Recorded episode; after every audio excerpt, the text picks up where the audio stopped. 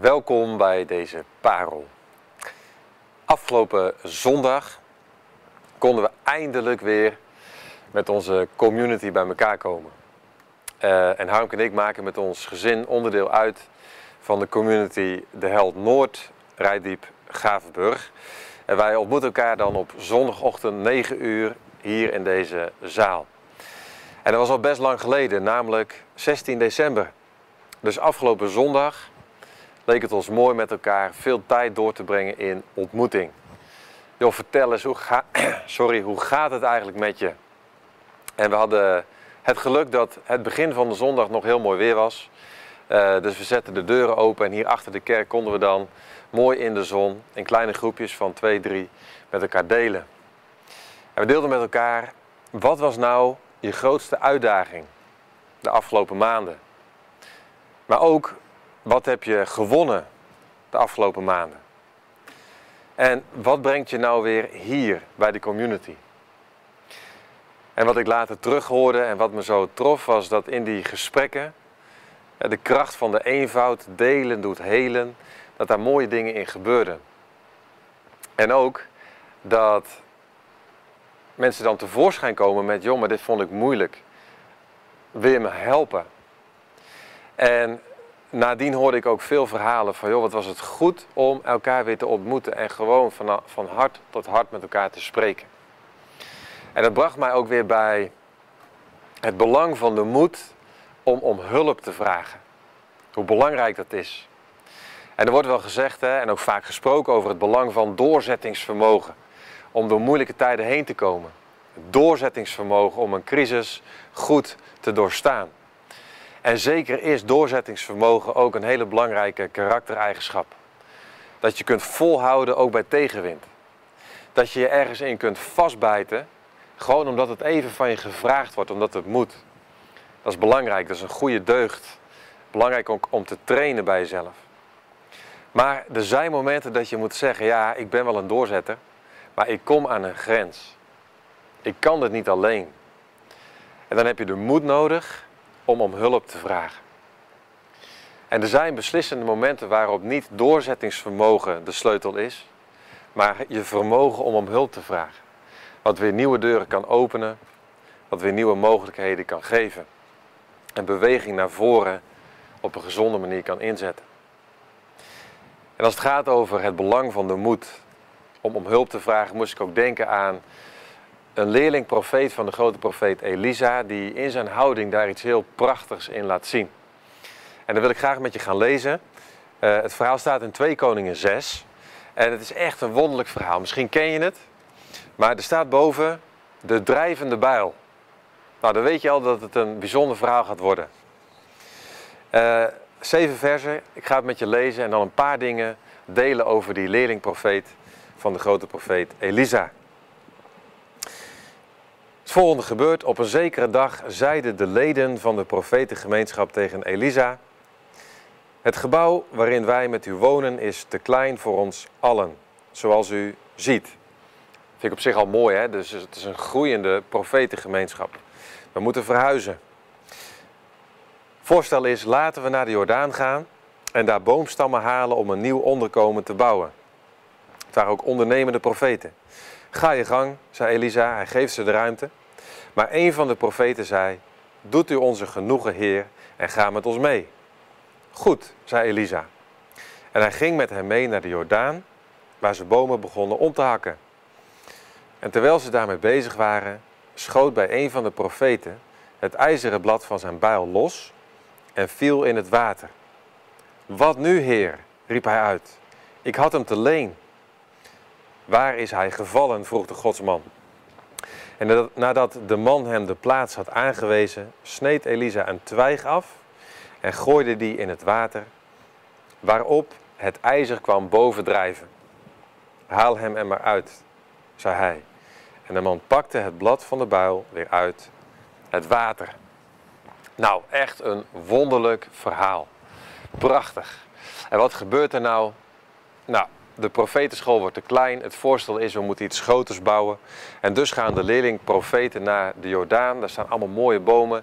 En die beginnen ze om te hakken om hout te regelen voor het nieuwe onderkomen. En terwijl een van die leerlingprofeten bezig is met zo'n boom, vliegt het ijzeren blad van zijn bijl. Dat blad valt in de Jordaan en zinkt naar de bodem. En dan zouden wij misschien kunnen zeggen van joh, maar dan ga je toch naar de Gamma of de Hornbach en dan regel je een nieuwe.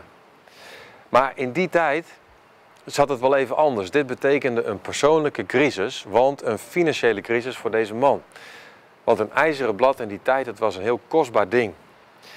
Dus het zou zomaar kunnen dat hij een jaar of misschien wel jaren bezig was om die bijl af te betalen, want hij had hem geleend.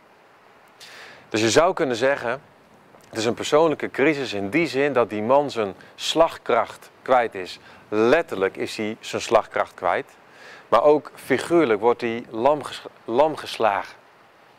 Hij belandt in een crisis. Hoe kan deze man zijn kracht terugvinden? Dat hij vrij is om onderdeel uit te maken van die profetenschool, om mee te bouwen aan het nieuwe onderkomen. Hoe vindt hij zijn kracht terug? Nou, dan laat hij in zijn houding drie mooie dingen zien. En die wil ik met je delen. En ik geloof dat het ook belangrijke lessen zijn voor ons. En het eerste is, hij vraagt onmiddellijk om hulp. Want dan is dat ongelukje gebeurd, dat ijzeren blad ligt op de bodem van de Jordaan. En dan staat daar, wat nu, Heer? Dus hij snelt onmiddellijk naar Elisa toe. Ik had hem te leen. Wat nu? En dan zou je daar ook heel gemakkelijk overheen kunnen lezen als iets wat heel vanzelfsprekend is. Ja, maar natuurlijk, de leerling-profeet schrikt, rent naar Elisa en vraagt om hulp. Ja, en toch wil ik daar even aan de hand rem. Want is het niet zo dat wij het doorgaans makkelijker vinden om hulp aan te bieden dan om hulp te vragen? Dat we het fijner vinden als iemand anders hulp nodig heeft en wij ja kunnen zeggen op de vraag, dan dat we zelf tevoorschijn moeten komen met, joh, het lukt me even niet. Mag ik bij je aankloppen? Wil je me helpen? Dus deze houding van deze leerlingprofeet, ik vind het een mooie. Het is moedig. Het is gewoon moedig om om hulp te vragen. Omdat je het in je eentje even niet redt. Ik vind het een eerlijke houding en ik vind dat hij daarin ook verantwoordelijkheid laat zien. Niet om het over de schutting te gooien bij een ander. Los jij mijn probleem erop. Nee, hij neemt verantwoordelijkheid, maar hij vraagt hulp. En in deze gemeente hebben we ook vier vragen voor onderweg. En een van die vragen is, mag ik bij je aankloppen? En de hele bedoeling van die vraag was om elkaar een beetje te helpen om over die, die drempel heen te komen. Om gewoon maar te zeggen, joh, de afgelopen maanden, waren pittig voor me als dat de situatie is. En ik weet eigenlijk niet zo goed hoe ik dat vuur weer aankrijg. Wil je me helpen? Wil je erbij blijven? Ik ga onderzoeken hoe het komt, maar wil je me helpen? En het tweede wat we de man zien doen, dat is uh, dat hij Elisa ook meeneemt naar de pijn. Naar de plek waar het ongeluk gebeurde, waar hij zijn bijl kwijtraakt. Want Elisa zegt dan, waar is hij gevallen? En dan neemt de man hem mee naar de plaats waar dat gebeurd was. En dat vind ik ook mooi. Het is, het is één ding om om hulp te vragen. En het gaat nog een stapje verder om dan de ander ook toe te laten in de pijn. Of daar waar het snijdt of schuurt, daar waar je het lastig vindt, daar waar het misging, daar waar je je kracht kwijtraakte. Daar waar het gebeurde. Of daar waar de schoen wringt. Om daar echt eerlijk over te zijn. Kijk hier. Volgens mij zit het hier. Wil je me helpen? En, ja, ik laat je toe. Hier snijdt het. En dan het derde wat er gebeurt. Iets moois ook in de houding van die leerlingprofeet. Hij luistert. Want Elisa die snijdt dan een twijg af. Gooit die in het water. Waarop het ijzer kwam bovendrijven. Prachtig hè. Gewoon een heel bijzonder wonder. In een hele alledaagse situatie. Haal hem er maar uit, zegt Elise tegen de man. En die leerlingprofeet moet dat dan doen, maar wat hij dan moet doen is hij moet zich klein maken. Want ja, die bijl die drijft op het water. Dus hij moet knielen, hij moet zich klein maken, hij moet zich uitstrekken om die bijl te kunnen pakken. En dat laat ook iets nederigs zien. Van joh, ik, ik vraag hulp en dan wordt het me aangereikt en dan neem ik het ook met beide handen aan. En dan maak ik me klein en dan zeg ik, Dankjewel. En gevolg is dat die man zijn slagkracht weer terug heeft. Dat hij weer kan staan, dat hij weer mee kan doen. Dat er weer nieuwe deuren zijn opengegaan. Maar het gevolg is ook Dat hij heeft ontdekt dat de hemel hem een wonder waard vindt. Dus door hulp te vragen, merkt hij dat er anderen om hem heen zijn die willen helpen, maar ook dat de hemel hem belangrijk genoeg vindt om te hulp te schieten. En zelfs een bijzonder wonder voor hem te doen. Terug naar de community ochtend, afgelopen zondag. We kwamen samen.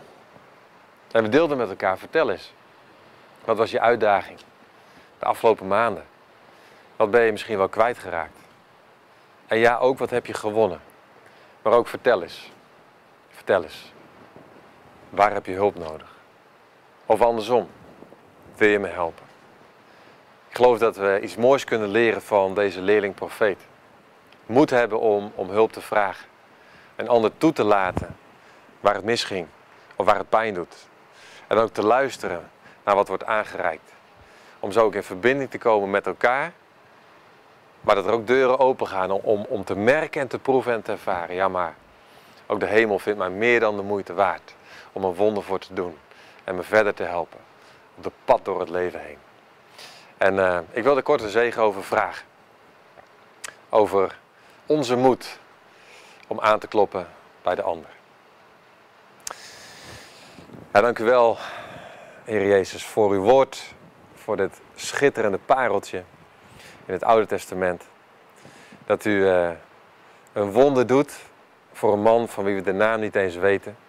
Een leerling, profeet, een dienaar van u. Om hem te helpen, om voor hem te zorgen.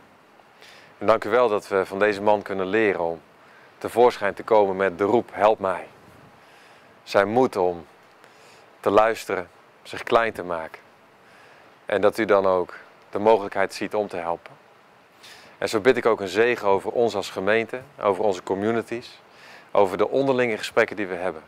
Dat we de moed zullen hebben om te zeggen, ja maar hier heb ik hulp nodig. Wil je me helpen? Wilt u daar ook uw bijzondere zegen aan verbinden? Zodat we ook ja, meer van u zien, ook in de ander. In Jezus' naam. Amen.